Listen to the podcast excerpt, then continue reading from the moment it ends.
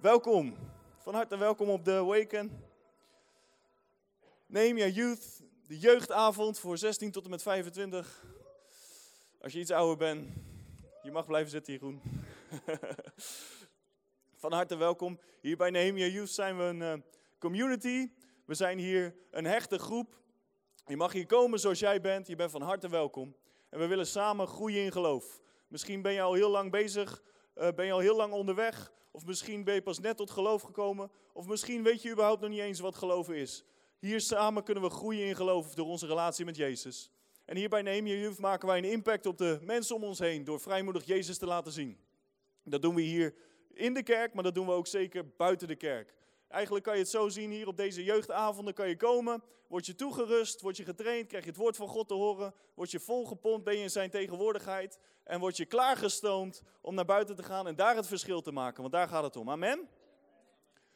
En eigenlijk samengevat bij Nehemia Youth staan we voor één ding. En dat is opwekking onder jongeren in de Drechtsteden. Daar geloven wij voor. Wij geloven dat God dit gebouw aan ons heeft gegeven, zodat het gevuld kan worden met jonge mensen. Dankjewel Tom. Kijk maar nog maar een moment om je heen. Op dit moment is er nog heel veel ruimte voor groei, of niet dan? Er, er zijn nog wat, zelfs wat lege stoelen en, en daarnaast nog heel veel plek voor extra stoelen. Ik wil je uitdagen aan het begin van dit seizoen. Kijk om je heen en zie als het ware die zaal gevuld worden. Zie als het ware elke stoel gevuld worden met jouw vrienden, met jouw familie, met mensen waar je misschien al heel lang voor aan het bidden bent. Zie het al hier voordat we het hier gaan zien. Ik wil je echt uitdagen. Ga in geloof staan met ons. We weten dat we weten dat we weten. Deze blok wordt gevuld tot de nok met jonge mensen. Want de Bijbel zegt dat de oogst rijp is, dat de velden wit zijn en dat de tijd kort is. We geloven dat Jezus heel snel terug gaat komen. En wat een voorrecht is het om in deze tijd te leven, of niet dan? Wie is er met mij heel erg blij dat je nu in 2022 leeft en niet ergens in de middeleeuwen zonder stromend water of douche of uh, dat soort dingen. Ik ben er heel blij mee. En ik weet ook, het is niet voor niks. God had ons op elk moment van de tijd geboren kunnen laten worden. Maar hij koos ervoor specifiek dat jij nu zou leven. En dat is met een reden. En hier bij Nehemia Youth willen we je aanmoedigen om te gaan voor die opwekking. Eerst in jou en dan door jou heen. Amen? Dus daarom hebben we het daar continu over. Dit hele jaar zijn we gebied in bezit aan het nemen. Je ziet het om je heen, taken territory. En eigenlijk het Bijbelse voorbeeld voor opwekking is dan handelingen. Als je simpelweg handelingen leest, dan heb je de blauwdruk, heb je het voorbeeld vanuit de Bijbel, hoe opwekking eruit hoort te zien. Misschien is opwekking een hele vage term voor jou, weet je niet wat je erbij moet uh, denken of verzinnen. Lees eens een keer het boek Handelingen door. Dan heb je de definitie van wat opwekking is. En dan lees je ook direct dat het leven met Jezus niet saai is. Amen. Als je leest in Handelingen, op de eerste dag dat ze vervuld werden met de Heilige Geest, kwamen er direct 3000 mensen tot geloof, werden allemaal gedoopt en ook weer gedoopt in de Heilige Geest. En het was gewoon, het is gewoon, als je, tenminste heb ik, hè, als ik handelingen lees, dan is het ook gewoon, ik kan niet ophouden met lezen. Want het is het ene avontuur naar het andere avontuur. En dan komen de mensen tot geloof. En dan worden ze weer in de gevangenis geworpen. En dan gaan ze weer bidden. En dan gaan ze weer naar buiten. Het is gewoon vet. Dus als jij denkt dat christendom saai is, dan heb je de verkeerde definitie van christendom. Ik zeg wel eens, gewoon christendom is gewoon dom. Gewoon saai, boompje, beestje huisje, boompje, beestje, een beetje, beetje beter je best doen. Nu dat je tot geloof bent gekomen, weet je wel, iets minder schelden en wat aardiger zijn voor de mensen om je heen. Begrijp niet verkeerd, het zijn allemaal prima dingen, hè? het zijn goede dingen. Maar dat is niet opwekking, dat is niet het christendom waarvoor het bestemd was. Amen? Want als we dat lezen hier in de Bijbel, eh, in handelingen daar, dan zien we dat er elke dag wonderen waren, elke dag mensen tot geloof kwamen dat er uh, ook wat opschudding bij kwam kijken. Hè? Dat uh, sommige mensen zelfs in de gevangenis werden gegooid en zo. Nou, ik verlang naar die dingen. Niet per se dat gevangenisgedeelte, maar wel naar die wonderen, naar die tekenen, naar die opwekking. Ben je met me? Het is nooit bedoeld geweest dat het christendom een religie zou worden waarbij we hè, bepaalde tradities zouden volgen, bepaalde wetjes en regels. Nee man, het leven met Jezus is het allerbeste leven dat je kan leven. En daar uh, willen wij in wandelen, Nienke en ik. Als kernteam willen we daarin wandelen. En uh, ik kan je vertellen, dan wordt je leven echt leuk. Dan wordt het echt een avontuur. Weet je, waarom zou je genoegen nemen met maar gewoon een beetje normaal? Waarom zou je maar gewoon een beetje, hè, een beetje christen zijn en een beetje naar de kerk gaan? Ga gewoon 100% joh. Wat heb je te verliezen? Wat heb je te verliezen? En, en als je dat dan doet, dan wordt het ook echt gewoon echt heel erg leuk, toch? Wordt het echt heel erg leuk. We zijn vanmiddag de straat op geweest. We hebben uh, uh, elf jongeren uh, hebben hun hart aan Jezus gegeven, gewoon op straat in Dordrecht. Ik hartstikke blij mee. En wat ook heel gaaf was, waren dat vijf mensen voor het allereerst meegingen. En um, weet je, voor mij is dat opwekking. Dat gewoon op straat mensen die nog nooit het evangelie hebben gehoord, het horen van jongeren uit Nehemia Youth. En dan ook nog eens op zo'n manier horen dat ze het willen aannemen.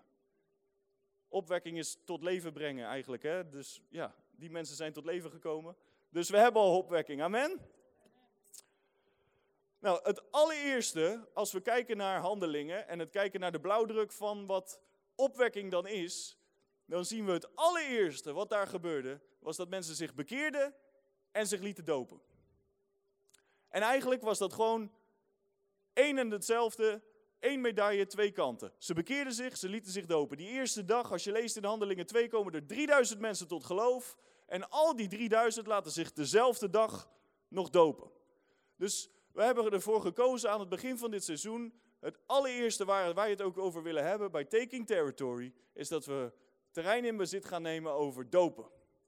En wij hebben er zin in om eigenlijk gewoon wat religieuze koeien of gewoon wat bepaalde uh, ideeën die over dopen ontstaan zijn, om die nou eens gewoon lekker te slachten. Om die gewoon eens aan te spreken en gewoon eens te kijken, wat zegt de Bijbel nou eigenlijk over dopen? Want door de eeuwen heen denk ik dat we als kerk collectief van het originele plaatje afgedwaald zijn. Waarbij het een moment van bekering is en dan als je ooit een keer goed genoeg bent, je, je laat dopen. En eerlijk gezegd ben ik hier zelf pas recentelijk voor wakker geschud. Dus ik klink nu heel erg alsof ik eh, het allemaal weet. Nee, absoluut niet. Van de zomer was ik bij Awakening Europe. Wie heeft ervan gehoord? Ik was erbij en uh, op zondagavond gingen ze daar opeens allemaal mensen dopen. Dus mensen die op straat hun hart aan Jezus hadden gegeven, of die zondagavond hun hart aan Jezus hadden gegeven. En ik stond daar met mijn religieuze kop en ik dacht, hmm, klopt dit wel? Is dit nou wel juist? Is dit wel hoe het hoort? Want ja, het was niet in de kerk, het was niet in een kerkgebouw, het was gewoon buiten bij een stadion als een badje neergezet. En het triggerde iets van mij dat ik dacht van, ik weet niet of dit nou wel klopt. En het heeft mij eigenlijk aan het studeren gezet om erin te duiken. Uh, en nou, dat kwam ook heel goed uit met dit thema. dat, ik, uh, dat we weten wat de Bijbel er nou echt over zegt. Um, maar dat ga ik jullie vanavond niet vertellen. Dat gaat iemand anders doen. Uh, dus ik wil je eigenlijk gewoon een warm welkom vragen voor Silke Dekker die ons mee gaat nemen in het dopen. En dan ga ik zo meteen nog wat meer erover zeggen. Dus Silke, ga los. Yes, thank you, thank you. Yes, ja, we gaan het vanavond hebben over dopen. En Victor heeft net al uh, een en ander verteld en ik mag jullie vanavond gewoon uh, ja, wat meer er ook over gaan vertellen. En voordat uh, ik er dieper op ingeduiken, dacht ik, nou, het is misschien wel goed om ook mezelf weer even voor te stellen. Ik zie best wel veel nieuwe gezichten, dus dan weten jullie ook wie er vanavond voor jullie staat. Nou ja, ik ben een Silke, zoals Victor al zei. 23 jaar, ik ben net klaar met mijn studie, dus ik ben nu gewoon hard op zoek naar een baan verder.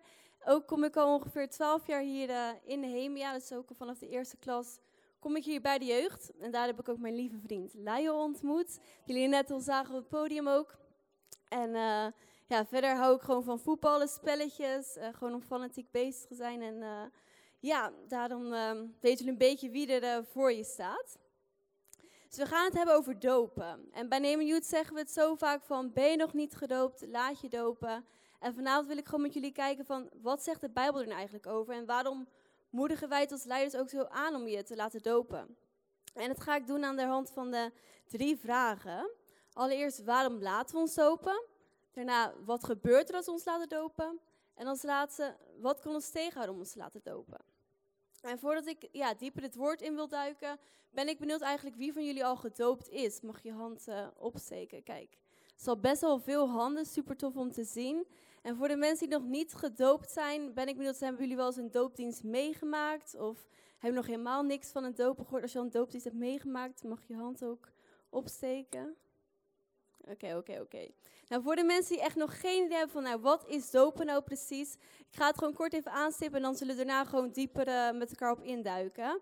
Maar wanneer je laat dopen, zeg je eigenlijk, ik kies voor Jezus. Je zegt eigenlijk, ik wil Jezus volgen met heel mijn hart. En je gaat het water in, je laat jezelf onderdompelen. Je laat je oude leven achter. En ja, je staat op als een nieuw mens in Christus. En um, de Bijbel die spreekt er ook gewoon over. En daarvoor wil ik lezen uit Handelingen 2. En um, hier worden eigenlijk de principes van doop heel erg goed weergegeven.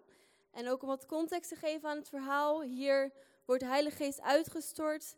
En um, Petrus die is zo vol van God. Hij is zo vol van, ja, van Jezus. En hij vertelt aan een enorme menigte het, het evangelie. En hij sprak over Jezus die opgestaan is uit de dood, nu in de rechterhand van de Vader zit. Hij sprak over Jezus de Messias. En dan wil ik lezen vanuit vers 37, dus Handelingen 2, vers 37. Daar staat, toen de mensen dit hoorden, werden ze diep in hun hart geraakt en vroegen aan Petrus en de andere apostelen, vrienden, wat moeten wij doen? Petrus antwoordde, u moet zich bekeren tot God en u laten dopen in de naam van Jezus Christus. Want dan worden uw zonden vergeven en de Heilige Geest in u komen wonen. Want God heeft die beloofd aan u en uw kinderen en aan ieder die door God geroepen wordt. En ook aan de verre vreemde volken. En als we dan verder lezen in vers 40 staat er, Petrus hield een lange toespraak en deed tenslotte een dringend beroep op hem. Zorg dat u bevrijd wordt van het slechte invloed van deze wereld. De mensen die aannamen wat hij zei, werden gedoopt. Op die ene dag waren dat ongeveer 3000 personen. En Victor zei het net ook al, van 3000 personen op één dag. Weet je, hoe gaaf is dat? En eigenlijk wat we hier zien, is het evangelie werd verspreid. En de Bijbel die zegt, mensen werden diep in hun hart geraakt. En ze zagen hoe vol Petrus was. Ze zagen hey, wat hij heeft. En ze dachten, hé, hey, dat wil ik ook. Hey, wat jij hebt, dat wil ik ook. En de Bijbel spreekt dan eigenlijk zo duidelijk over wat je dan mag doen. Eigenlijk moet doen. Er staat, bekeer je en laat je dopen. Het zijn dingen die, die God spreekt in één. Het bekeer je, laat je dopen en wordt vervuld met de Heilige Geest. Het is iets wat niet uit elkaar getrokken wordt uit de Bijbel. En dat is zo belangrijk om je te beseffen, want weet je, als je je laat dopen, dan word je nieuw. Als je laat dopen, dan mag je gewoon daarin gaan staan. En het is iets wat, wat bij je bekering hoort en daardoor ook bij je redding. En daarom kunnen we ook lezen in Marcus 16, vers 16, staat er, wie het geloven en gedoopt worden, zullen gered worden. Maar wie het niet geloven, zullen worden gestraft. En eigenlijk is de Bijbel heel duidelijk hierover en mogen we het ook zo zien, want in handelingen was het niet iets wat na zoveel weken gebeurde. Nee, het was direct. Het was iets wat bij elkaar hoorde. Het hoorde bij je wedergeboorte. En weet je, daarom is het eigenlijk heel simpel wat we kunnen concluderen. Waarom laten we ons dopen? Het is iets wat de Bijbel spreekt. Het is heel simpel. We, mogen ons, we kiezen voor Jezus en we laten ons dopen. En het is een opdracht die God ons eigenlijk gegeven heeft, ja, wanneer we voor Hem kiezen. En als we dan gaan kijken naar vraag 2, wat gebeurt er als we ons laten dopen? En wanneer je laat dopen, dan, ja, wat ik zei, ik zeg, ik kies voor Jezus, maar het doet ook echt wat in de geestelijke wereld. Er vindt een transformatie plaats. En het is niet zo dat het alleen een statement is van, nou, ik, ik kies voor Jezus, ik getuig het aan familie. En dat is supergoed, dat doe je ook. Maar er zit echt meer achter. Het is, geestelijk is cruciaal wat er gebeurt. En eigenlijk wil ik uh, vanavond twee dingen eruit uh, uit laten komen wat er gebeurt als je laat dopen. Want door de doop worden we één met Christus en door de doop worden we in Christus een nieuwe schepping. En dit kunnen we lezen onder andere Galaten 3, vers 26 en 27. Daar staat er, door het geloof in Christus Jezus bent u allemaal kinderen van God geworden. Door de doop in hem bent u één met hem geworden. U bent als het ware omhuld door hem. Maar ook in Colossense 12, vers 12, daar kunnen we ook lezen over de doop. Daar staat, u bent door de doop met Christus begraven. Maar door het geloof in de macht van God, die ook hem heeft opgewekt uit de dood, bent u nu met hem opgestaan en hebt u een nieuw leven ontvangen. In deze twee teksten zien we eigenlijk dat we we zijn één geworden met Jezus. We zijn omhuld door Hem. We zijn met Hem het graf ingegaan en we zijn met Hem opgestaan. En het is zo belangrijk dat je dat gaat beseffen. Wanneer je laat dopen, dan sta je echt in die autoriteit van Jezus. Je mag erin gaan wandelen. Je mag uitstappen in je geloof vanuit besef, hé, hey, ik ben één met Jezus, Hij loopt met me mee, ik ben een nieuwe schepping geworden. En weet je, als je, als je laat dopen, dan mogen we daar echt in gaan staan en mogen we gaan beseffen van, hey, we doen het niet meer alleen, we doen het met Jezus. Dus wat gebeurt er als we ons laten dopen? Door de gewedergeboorte ontvangen we de autoriteit van Jezus en worden we één met Hem in een nieuwe schepping. En dan wil ik als laatste kijken naar vraag 3. Wat kan ons dan tegenhouden om ons te laten dopen? Als ik naar mezelf kijk, dan was het niet zoals in handelingen één proces waarin je werd bekeerd en je liet je dopen. Nee, het duurde bij mij best wel ja, een tijd voordat ik uiteindelijk die beslissing heb gemaakt. En ik merkte dat ja, ik zelf ook met gedachten rondkloop van, nou ben ik wel goed genoeg om me te laten dopen? Uh, ja, God heeft nog niet echt gesproken. Uh, wanneer gaan mijn vrienden zich laten dopen? Kijk, moet ik nu wel mee? Moet ik niet mee? Allemaal gedachten eigenlijk in, me, ja, in mijn hoofd rond, ja, rondwalen, waardoor ik eigenlijk dacht, ja, ik weet niet of ik me laten dopen. Maar het waren echt leugens. En zo kun jij misschien ook wel gedachten hebben van, nou, ben ik niet te jong? Ben ik wel goed genoeg? En ik wil je echt zeggen van, nee, je bent goed genoeg. En je moet je en mag je laten dopen. En de Bijbel die spreekt het ook uh, en bevestigt dit in Handelingen 8. En daar wil ik uit lezen. Want wanneer in Handelingen het evangelie verkondigd werd, spraken ze altijd over de doop. Het was niet iets wat ze later deden. Nee, wanneer ze vertellen, vertelden de mensen over het geloof, dan spraken ze ook over de doop. En ik wil lezen van het Handelingen vers, uh, 8, vers 35. En wat we eigenlijk zien is dat uh, Filippus die vertelt hier het evangelie aan een Ethiopiër. En hij begreep niet zo goed wat hij las en Filippus vertelde het evangelie. En dan vers 35 zegt, Filippus antwoordde dat Jezaja over de Christus sprak. Hij vertelde hem dat Christus Jezus is, waarbij hij uitging van wat zij zojuist hadden gelezen. Op een, op een gegeven ogenblik reed hij langs het water. Kijk, zei de Ethiopiër, daar is water. Wat is er op tegen mij te dopen? Filippus antwoordde, als u met heel uw hart in Jezus gelooft, is er niets op tegen. Hij zei erop, ik geloof dat Jezus Christus de Zoon van God is. Hij liet de wagen stilhouden en ging samen met Filippus het water in. En Filippus doopte hem. Weet je, en we lezen hier, het enige wat je nodig hebt om je te laten dopen is je geloof in God. Het enige is dat je tegen je hart openstaat naar God en zegt, hé, hey, ik wil, jou, wil u volgen. Ik wil kiezen voor u en ik wil zeggen, hé, hey, ik geloof dat Jezus Christus de Zoon van God is. Weet je, je hoeft geen perfecte christen te zijn. Je hoeft niet eerst een seizoen bij nemen, je hoeft mee te lopen voordat je je mag laten dopen. Of, weet je, dat zijn dingen die, die echt niet hoeven. De Bijbel zegt hier, wat is er op tegen? Er is niets op tegen. Weet je, en zo mogen we ook gaan staan erin. Ik wil je ook gewoon bemoedigen van waar je ook bent op de weg met Jezus. Hey, Jezus zegt, hey, je mag je laten dopen. Hij, hij heeft zoveel meer voor je. Hij wil dat je gaat staan erin, in die autoriteit. Omdat hij je leven dan gaat omkeren. Hij gaat je nieuwe, nieuw geloof geven. Het gaat je naar een dieper level brengen. En weet je, heb ik ook gemerkt in mijn eigen leven. Wanneer ik dat, die stap heb gemaakt om het te laten dopen, heb ik gezien, hé, hey, ik laat mijn oude leven achter.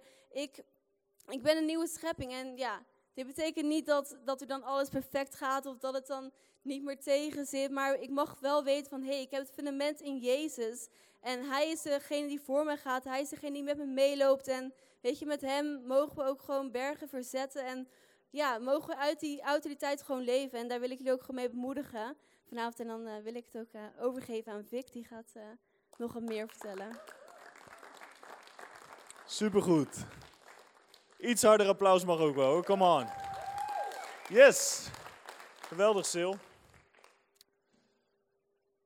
Dus misschien uh, zit je hier vanavond. Ik zag best wel veel handen omhoog gaan van mensen die al gedoopt zijn. Uh, wat ik nu ga delen gaat ook over de doop. Maar ik geloof ook dat als je goed luistert, je er dingen uit kan halen die voor jou gelden. Jij die al gedoopt bent, uh, opeens ga je dingen horen over wat Silke heeft gedeeld net. Opeens ga je beseffen wat de doop inhoudt, wat het voor jou heeft betekend en welke positie je nu hebt. Waar ik met jullie naar wil kijken is eigenlijk het verhaal vanuit het Oude Testament dat spreekt over de doop. En dat is natuurlijk het verhaal van de Israëlieten bij de Rode Zee. Dus als je met me wil opslaan, Exodus hoofdstuk 14. Genieten jullie tot nu toe? Zijn jullie er allemaal? Gelukkig. Je mag me feedback geven, hè?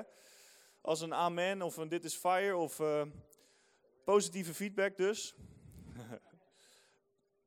ja, als je er bent mag je zeggen prijs de Heer. Prijs de Heer, Exodus 14, ik ga zo meteen lezen vanaf vers 8. Halleluja.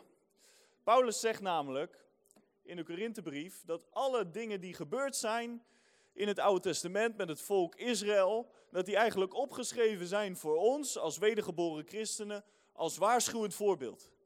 We kunnen deze verhalen lezen en we kunnen zien uh, de dingen die zij deden en we kunnen leren. Zij maakten wat fouten, we kunnen leren van hun fouten. Zij deden heel veel dingen goed, we kunnen daarvan leren. En dus het verhaal wat vanuit het Oude Testament eigenlijk als schaduwvoorbeeld wordt gebruikt voor de doop, is dit verhaal. Even de context. Je kent allemaal het verhaal, de meeste van jullie hebben het vaker gehoord, maar laat me het even kort samenvatten. Het volk Israël had al 400 jaar in slavernij geleefd in Egypte. Ze waren daar ooit naartoe gegaan toen er hongersnood was, nog onder de tijd van Jozef. Ze waren daar naartoe gegaan en uiteindelijk slaaf geworden van het uh, volk Egypte. En ze werden daar eigenlijk enorm misbruikt. Egypte is hier in het plaatje voor ons vandaag van het koninkrijk van deze wereld. Er zijn twee koninkrijken, het koninkrijk van deze wereld en het koninkrijk van God. Dus uh, het Joodse volk hier was nog in het koninkrijk van de wereld. Ze waren nog in Egypte. Nou, dan staat Mozes op, jullie kennen het verhaal. En die brengt de, de plagen, een, een voorbeeld van het oordeel van God over deze wereld. En um, het Joodse volk, en niet alleen het Joodse volk trouwens, maar iedereen die het bloed van het lam op de deurposten van zijn huis smeerde, die was vrijlig. Die was gered van het ene oordeel dat de oudste zoon zou sterven. En nadat dit gebeurde, was dat de druppel voor de farao. En hij zei: Oké, nu mogen jullie vrij vertrekken. En het Joodse volk, het plaatje voor ons als kerk, wedergeboren christenen, die trokken hier uit Egypte, uit de wereld. Uh, ze werden overigens ook nog eens volgeladen met goud en zilver. Dus, uh, nou, die kan je even meenemen. ze werden uit de wereld getrokken en nu gaan ze op weg naar het beloofde land. Nou, dat is natuurlijk ons jaarthema dit jaar. We zijn territory aan, in bezit aan het nemen. We gaan het beloofde land in bezit aan het nemen. Als je bij de opening was, heb je Nienke daarover horen spreken. Maar dan allereerste wat er gebeurt in het verhaal is hier Exodus 14, waarbij zij door de Rode Zee moeten. Dus ik ga het lezen vanaf vers 8. Want de Heer verhardde het hart van de farao, de koning van Egypte, zodat hij de Israëlieten achtervolgde. Maar de, de Israëlieten waren door een opgeheven hand geleid. Halleluja. De Egyptenaren, met al de paarden en strijdwagens van de farao, en zijn ruiters en zijn leger, achtervolgden hen en haalden hen in waar zij hun kamp hadden opgeslagen bij de zee, bij een lastige naam voor een nog lastigere naam. Toen de farao dichtbij gekomen was, sloegen de Israëlieten hun ogen op en zie, de Egyptenaren trokken achter hen aan. Toen werden de Israëlieten zeer bevreesd en riepen tot de Heeren. En zij zeiden tegen Mozes, waren er in Egypte geen graven dat u ons hebt meegenomen om in de woestijn te sterven? Hoe hebt u dit met ons kunnen doen door ons uit Egypte te leiden? Super dankbaar. Was dit niet wat wij in Egypte al tegen u zeiden? Laat ons met rust, laten wij de Egyptenaren maar dienen. Want het is beter voor ons de Egyptenaren te dienen dan in de woestijn te sterven. Maar Mozes zei tegen het volk: Wees niet bevreesd, houd stand, zie het hel van de Heer, dat hij vandaag nog voor u zal bewerken. Want de Egyptenaren die u vandaag ziet, zult u tot in eeuwigheid niet meer terugzien. De Heer zal voor u strijden en u moet stil zijn. Toen zei de Heer tegen Mozes: Wat roept u tot mij? Spreek tot de Israëlieten en zeg dat zij opbreken. En gezondheid. En u, hef uw staf op, strek uw hand uit over de zee en splijt in de midden, zodat de Israëlieten door het midden van de zee op het droge kunnen gaan. Even tot zover. Ik wil uit dit verhaal drie dingen halen die ik geloof die tot mensen spreken die nog niet gedoopt zijn en tot mensen spreken die al wel gedoopt zijn. Dus hoe je hier ook zit, er is iets in dit verhaal voor jou. Amen? Het eerste wat ik eruit wil uitlichten is hoe de vijand je probeert te intimideren. We zijn allemaal, als je ooit je hart aan Jezus hebt gegeven, is voor allemaal dit realiteit geworden dat wij uit Egypte vertrokken zijn door het bloed van Jezus wat op de deurposten van ons hart gesmeerd is. We zijn uit de wereld weggehaald, we zijn nu apart gezet en heilig. We zijn uit dat systeem weggehaald, uit dat koninkrijk van de vijand. We zijn nu als door die opgeheven hand worden wij geleid in ons leven. Maar wat gaat de vijand proberen te doen? Hij gaat proberen je te intimideren. Dat rijmt. De vijand vindt het namelijk niet leuk dat wij uit zijn systeem, uit het duivelse systeem van slavernij wegtrekken naar vrijheid toe. En de, de, de duivel heeft eigenlijk maar drie tactieken die hij elke keer weer gebruikt. Dat is angst, schuld en schaamte. S. Angst, schuld en schaamte. Kan je hem goed onthouden. Of SAS, maar ik vind S leuker. Angst, schuld en schaamte. Nou, je ziet hier in dit verhaal dat hij overduidelijk aan het werken is met de tactiek van angst.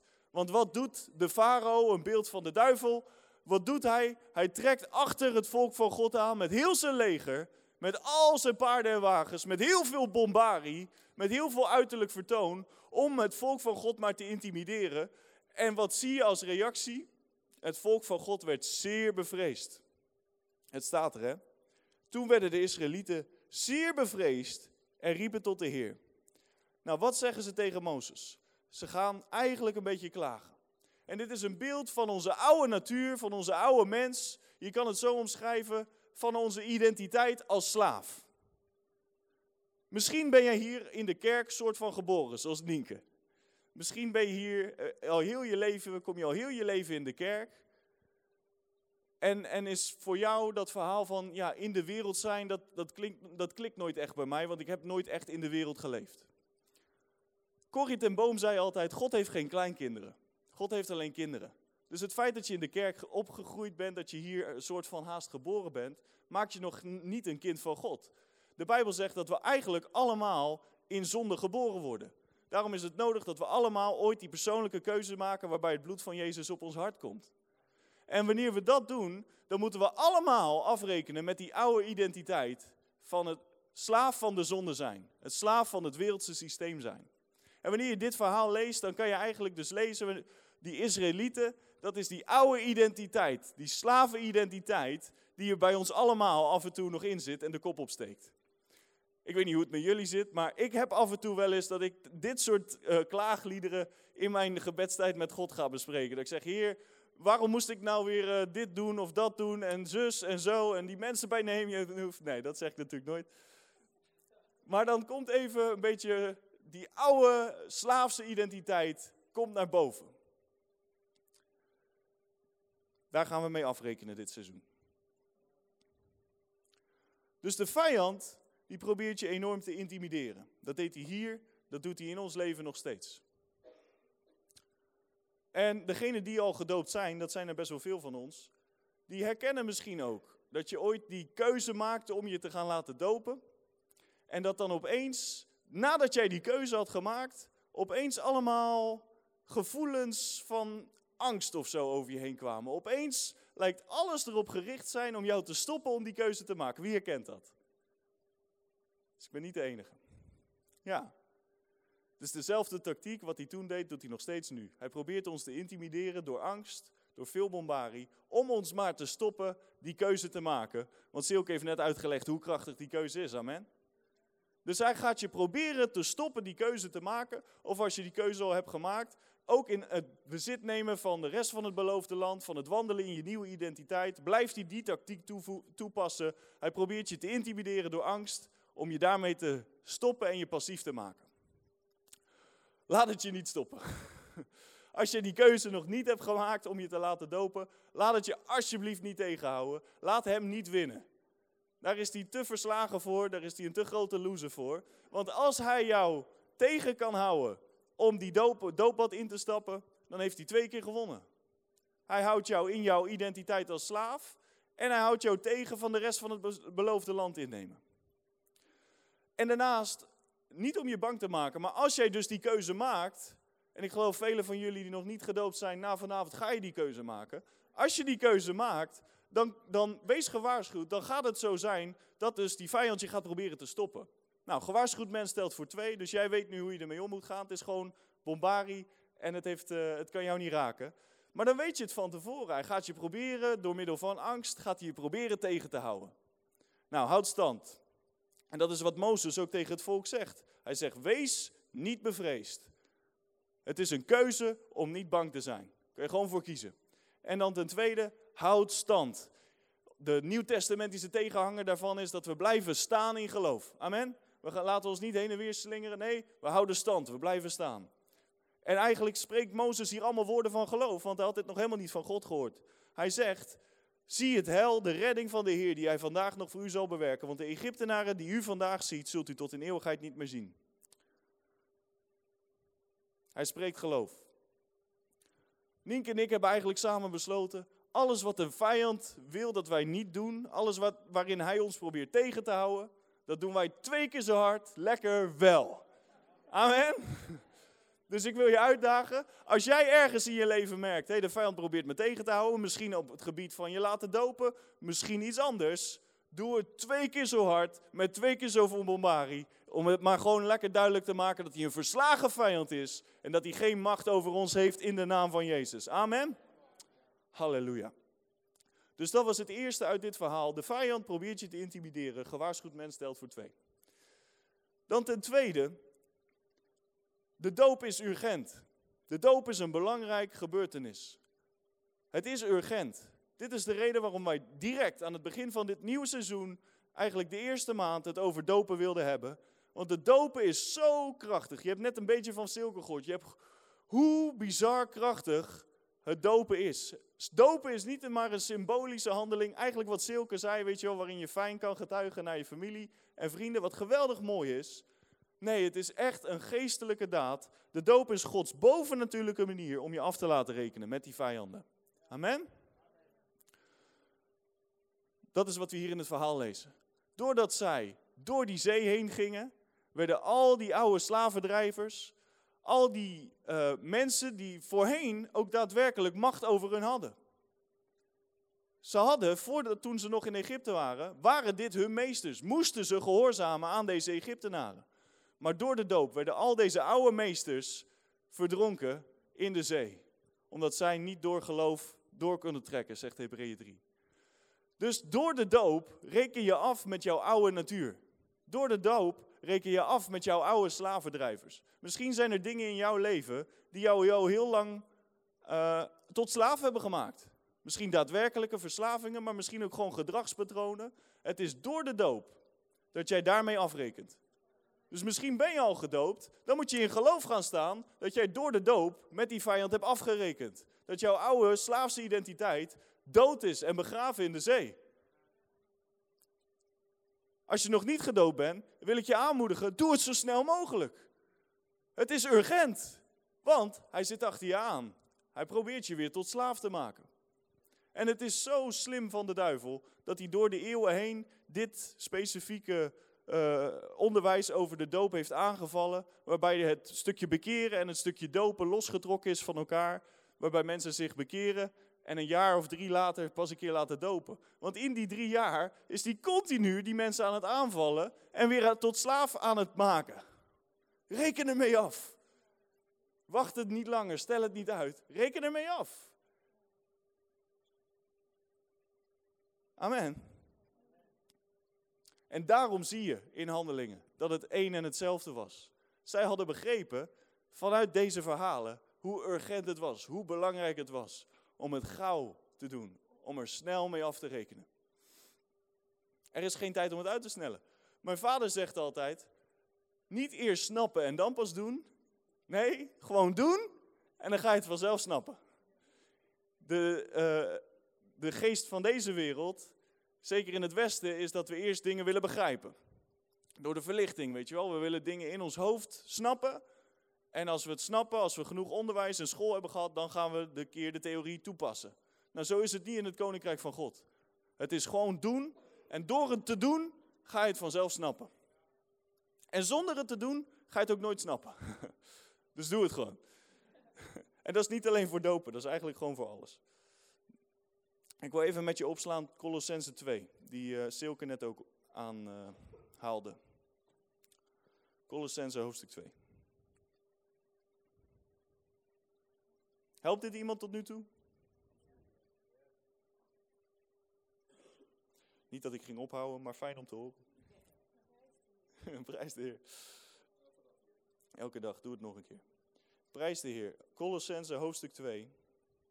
En ik wil het lezen vanaf vers 8. Silke haalde net al vers 12 aan. Ik wil lezen van 8 tot en met 12. Klaar voor? Alright. Daar staat. Pas op dat niemand u als buit meesleept door de filosofie en de inhoudsloze verleiding volgens de tradities van de mensen, volgens de grondbeginselen van de wereld, maar niet volgens Christus. Want in hem woont heel de volheid van de Godheid lichamelijk. En u bent volmaakt geworden in hem, die het hoofd is van iedere overheid en macht. In hem bent u ook besneden. Oh, halleluja. Niet met een besnedenis die met handen plaatsvindt, dank u Jezus. Door het uittrekken van het lichaam van de zonde van het vlees. Nee, gelukkig, door de besnijdenis van Christus ben ik heel dankbaar voor. Vers 12. Alle mannen zeggen amen. Alle meiden denken, waar heeft hij het over? Vers 12. U bent immers met hem begraven in de doop, waarin u ook met hem bent opgewekt. Door het geloof van de werking van God, die hem uit de doden heeft opgewekt. Eigenlijk vers 8 waarschuwt ons, waarschuwde Paulus toen al, en hoeveel des te meer nu, dat we als christenen niet meegesleept worden door inhoudsloze verhalen, filosofie en, en tradities van mensen. Nou, als er één gebied is in uh, het christenleven wat aangevallen is door filosofie, inhoudsloze redenaties en tradities van mensen, dan is het dopen. Want nergens in de Bijbel lees je dat tussen bekering en dopen tijd zat. Ik heb het dus voor mezelf onderzocht en nogmaals, ik vertel dit vanuit een, een hart dat ik er zelf pas van de zomer achter ben gekomen, oké? Dus het is echt niet alsof ik... Ik was ook gewoon hartstikke verblind en ik ben natuurlijk al heel mijn leven in de kerk en ik dacht dat het gewoon zo hoorde. Maar het is niet wat je leest in de Bijbel. En dan moeten we nederig genoeg zijn om te zeggen, oké, hey, misschien moeten we dan toch iets anders doen. Want ik heb het onderzocht in handelingen. Elk verhaal dat je leest over dopen. En Silke zit ja te knikken, want ze heeft het ook onderzocht. Elk verhaal dat gaat over dopen, is mensen die zich bekeren en dezelfde dag nog. Zelfs één verhaal, dezelfde nacht nog, zich direct lieten dopen. Allemaal, geen uitzonderingen. Eén uitzondering, Paulus. Saulus toen nog. Maar daar, daar wat, valt wat voor te zeggen, want die viel blind van zijn paard af. En Ananias moest nog even wat moed verzamelen voordat hij naar die moordenaar van de christenen toe ging om hem te dopen. Dus als je blind bent en een ex-moordenaar van christenen bent, dan mag het drie dagen duren. maar als jij niet in een van die twee categorieën valt, dan is het ook voor jou dat je je bekeert en je laat dopen dat het één ding is. En dan zie je dus de tactiek van de vijand, waarbij die door inhoudsloze filosofie en verleiding, volgens tradities van mensen, ons heeft afgebracht uh, van hoe Jezus het bedoeld heeft. Ons allemaal, niemand uitgezonderd. Weet je wel, wij allemaal, de globale kerk is hierin een beetje ontspoord. Dus dan is het aan ons, zeker als ons, als jonge generatie, om te zeggen: oké, maar wat lezen we hier? En laten we dat gewoon radicaal doen. Amen. Laten we radicaal teruggaan. Als wij inderdaad die opwekking willen zien, laten we dan ook doen wat we lezen in handelingen. Ben je met me? Laten we daar gewoon lekker radicaal en zwart-wit in zijn. Toevallig, als ik mijn Bijbel lees, lees ik ook dat God heel vaak jonge mensen gebruikt. Ik denk dat dat misschien wel in verband staat met het stukje dat we als jonge mensen nog lekker radicaal en flexibel en zwart-wit willen zijn. En gewoon voor de dingen van God willen gaan. En ook als je wat ouder bent, hij gebruikt ook natuurlijk wat oudere mensen hoor. Gelukkig, iets ouder. Nee, maar het gaat om het hart. Amen. Er bestaat dus heel veel menselijke traditie rondom die doop. Er zijn um, en dat is natuurlijk niet in deze gemeente, maar er zijn sommige plekken waarbij ze zeggen je moet minimaal 18 zijn. Of er zijn plekken waarbij ze zeggen je moet wel minimaal eh, de hele Bijbel een keer van kaf tot kaf hebben gelezen. Of je moet het zelf van God die bevestiging krijgen. enige bevestiging die je nodig hebt, en ik zeg het in liefde hoor, maar de enige bevestiging die je nodig hebt om je te laten dopen, is toevallig een keer de pagina open te slaan van Handelingen 2, wat Silke net aanhaalde, bekeer je en laat je dopen. Want je hebt de algemene wil van God, dat, en dat is dat hij wil dat iedereen zich bekeert en zich direct laat dopen. En dan heb je de specifieke wil van God. Nou, die vind je niet in de Bijbel. algemene wil van God vind je in de Bijbel. De specifieke wil van God gaat bijvoorbeeld over met wie moet je trouwen of naar welke kerk moet je toe gaan. Kan je heel veel lezen, maar ik ga niet hier in de Bijbel ergens vinden dat ik met Nienke Wilbrik moest trouwen. Dat is Gods specifieke wil. Maar Gods algemene wil is wat hier staat, wat we gewoon kunnen lezen. En Gods algemene wil is dat een ieder van ons zich bekeert en zich direct laat dopen. Amen. Nou, Silke heeft het net al even aangehaald, maar om nog één keer te benadrukken. Wat doet die doop? Vers 12. U bent immers met Jezus begraven in de doop. En waarin, in die doop, u ook met Jezus bent opgewekt door het geloof van de werking van God. Dus het is door de doop dat we met Jezus begraven worden. Dat we sterven voor die oude zondige natuur. Dat we sterven voor al die oude verlangens van ons vlees. En het is door de doop dat we ook weer opstaan in de nieuwheid van leven. Amen.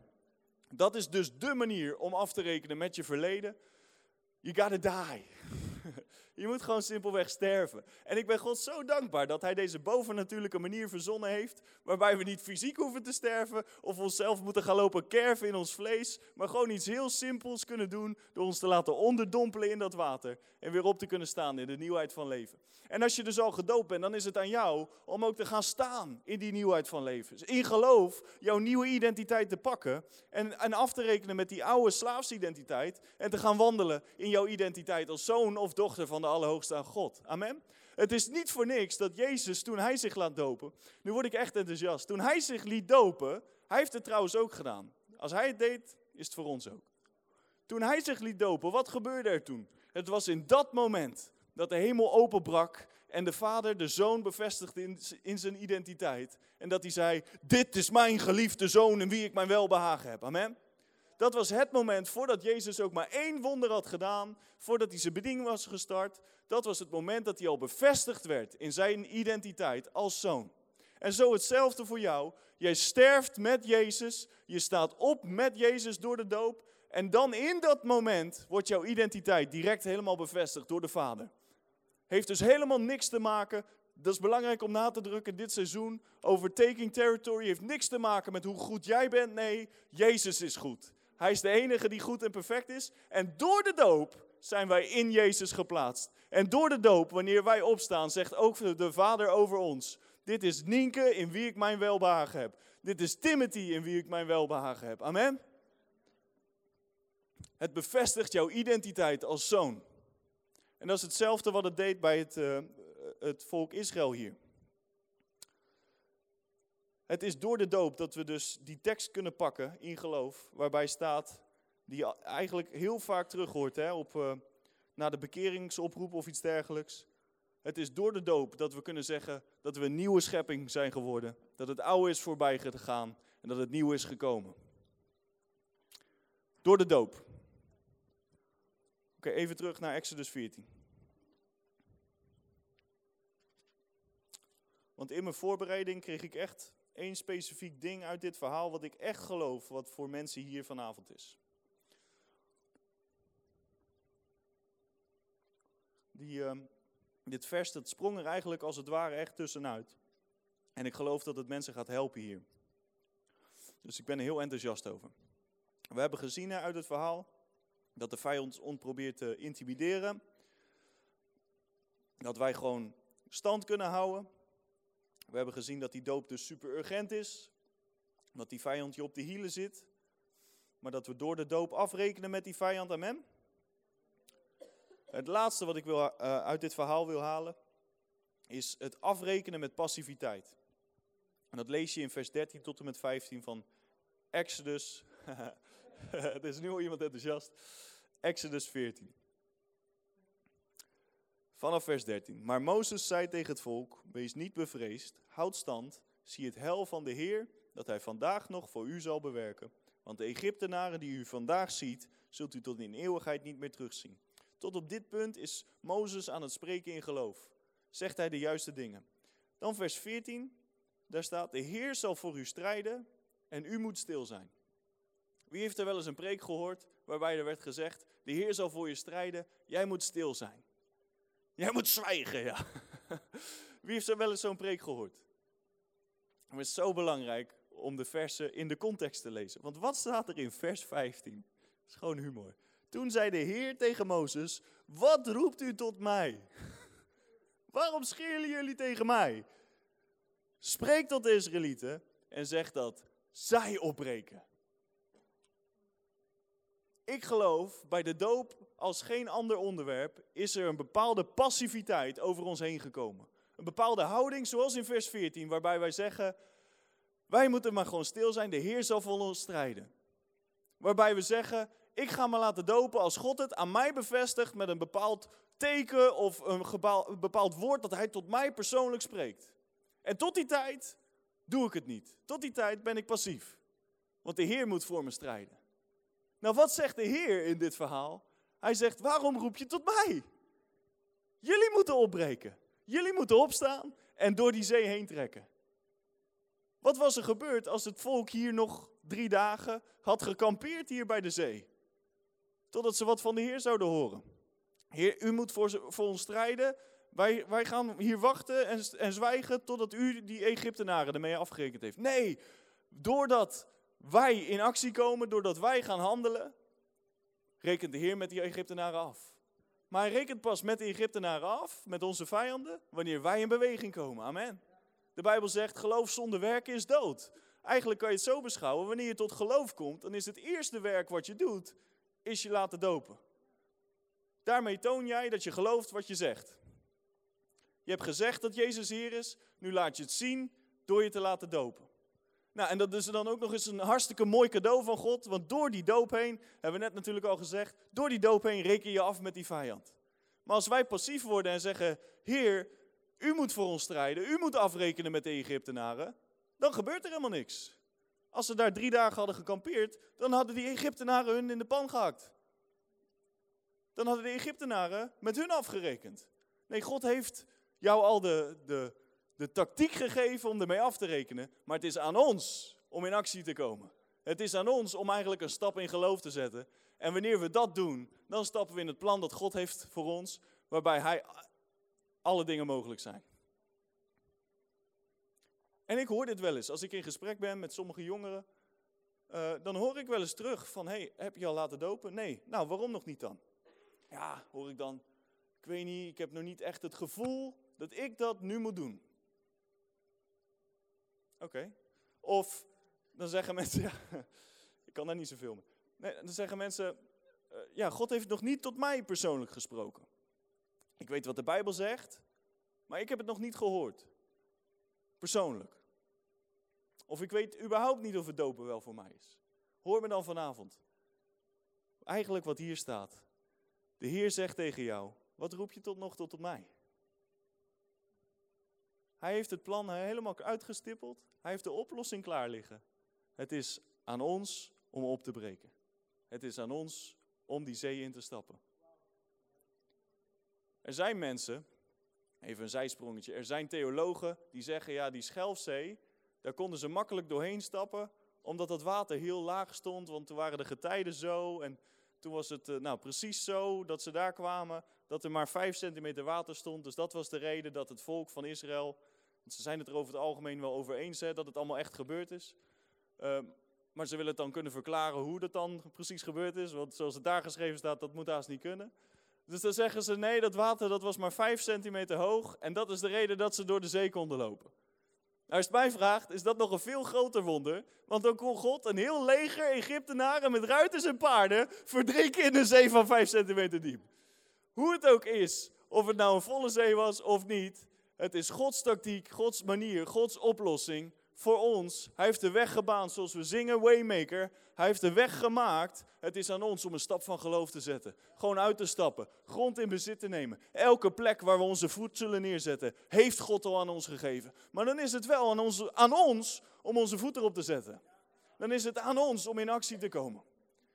Het is aan ons om te breken met passiviteit, met een houding van Heer, doe het. Heer, ga aan de gang. Hij heeft alles al gedaan. Hij heeft de weg gebaand. Hij heeft zijn zoon gestuurd. Die heeft de prijs betaald die wij nooit zouden kunnen betalen. Hij heeft aan het kruis geroepen, het is volbracht. En vanaf dat moment, nou, nadat hij dan echt stierf en opvoer, opvoer naar de hemel, vanaf dat moment was wat Jezus, wat God moest doen, was klaar. Had zijn Heilige Geest naar de aarde gestuurd. Het is nu aan ons dat zeggen we niet vanuit hoogmoed, want we weten, door de doop zijn we in Jezus. Het is alleen doordat wij in Jezus zijn, dat wij territory kunnen tekenen. Dat is niet omdat wij zo geweldig zijn, dat is heel mooi. Dat is niet omdat wij zo geweldig zijn, omdat wij zo goed zijn. Nee, dat is omdat wij weten wie wij zijn in Jezus Christus. En wij weten wie Jezus Christus is. Amen. En doordat wij in Hem zijn, kunnen wij alle dingen doen. De Bijbel zegt dat we in Hem leven, in Hem bewegen, in, in Hem ons hele wezen hebben. Ik wil zo, zo compleet opgeslokt worden door wie Jezus is. In mijn eigen identiteit, dat je niet meer het verschil ziet tussen Victor en Jezus. Dat, het, dat, dat de scheidslijn eh, vervaagt, dat, het, dat, dat ik volledig dat karakter van Jezus krijg. Amen, ben je met me? Dat, je, dat, dat ook jij gewoon wandelt zoals die gasten in handelingen wandelen. Dat ook jij gewoon over straat gaat en mensen het evangelie vertelt en mensen tot geloof komen. Dat er door jouw handen heen genezing stroomt naar andere mensen. Wonderen en tekenen ons volgen. Dat de Heilige Geest in ons leven actief werkzaam is. En alles wat wij zeggen, gebaseerd op het woord van God, bevestigt met tekenen en wonderen. Amen. Want dat is waar de wereld naar verlangt. En dat is waar ik naar verlang. Ik verlang ernaar dat we terugkomen naar handelingen. Dat we teruggaan naar dat blauwdruk zoals God die gegeven heeft. Dat wij gaan wandelen in die opwekking. Amen. Maar dan is het aan ons om een stap van geloof te zetten. En aan ons om af te rekenen met passiviteit. En ik kreeg dat echt heel sterk op mijn hart in de voorbereiding. Dat er ook niet alleen over hier, jullie die hier zitten, maar over deze generatie een bepaalde passiviteit gekomen is. Omdat er bepaalde teleurstelling ingekropen is vanuit dingen die niet gebeurd zijn. Maar dat het aan ons is om te zeggen, wij houden stand en wij nemen grond in bezit, wij stappen uit, wij breken op en wij zetten onze voet op dat land. En ik geloof met heel mijn hart, wanneer wij dat doen, God stond al lang klaar om met ons mee te rennen. Om die weg te banen. Amen. Halleluja. Dus door de doop kunnen wij wandelen in onze nieuwe identiteit. Ik wil je vragen voor een moment even je hoofd te buigen, je ogen te sluiten. Ik wil bidden en ik geloof dat uh, die passiviteit door dit gebed heen gaat breken. En dat jij mag weten dat jij ook gewoon die stap kan zetten. Vader, dank u. Dank u voor uw prachtige plan, Heer. Dank u dat u het begin van het einde en het einde van het begin kent. Heer, dank u dat u ons de tools heeft gegeven om af te rekenen met ons, oude, met ons verleden, met onze oude identiteit. Om te stappen in de nieuwheid van het leven. Heer, dank u dat het leven met u het allerbeste leven is, Heer. Dank u dat het leven met u alles behalve saai is, maar dat het één groot avontuur is. Ik dank u, Heer, voor een groep jongeren die afrekenen met passiviteit, maar die gewoon simpel als een kind uitstappen in geloof. En zeggen, Vader, als u het zegt, dan doe ik het. Dank u Heer dat u uw Heilige Geest heeft uitgestort in ons hart. Uw liefde heeft uitgestort in ons hart. Dank u Heilige Geest dat u in ons getuigt dat wij Abba Vader mogen zeggen. En ik dank u Vader in dit moment dat elke passiviteit die erin geslopen is verbroken wordt. Ik dank u Heer door uw woord heen dat bolwerken naar beneden zijn gehaald. Ik dank u Heer dat uw woord scherp is en krachtig.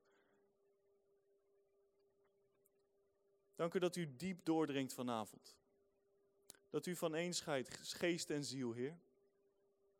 Ik dank u, Heer, dat voor uw woord niks verborgen is, maar dat alles openbaar ligt. En vanavond bid ik, Heer, dat mensen zullen uitstappen, een stap van geloof zullen zetten en zullen stappen in die nieuwheid van het leven, zullen stappen in die nieuwe identiteit.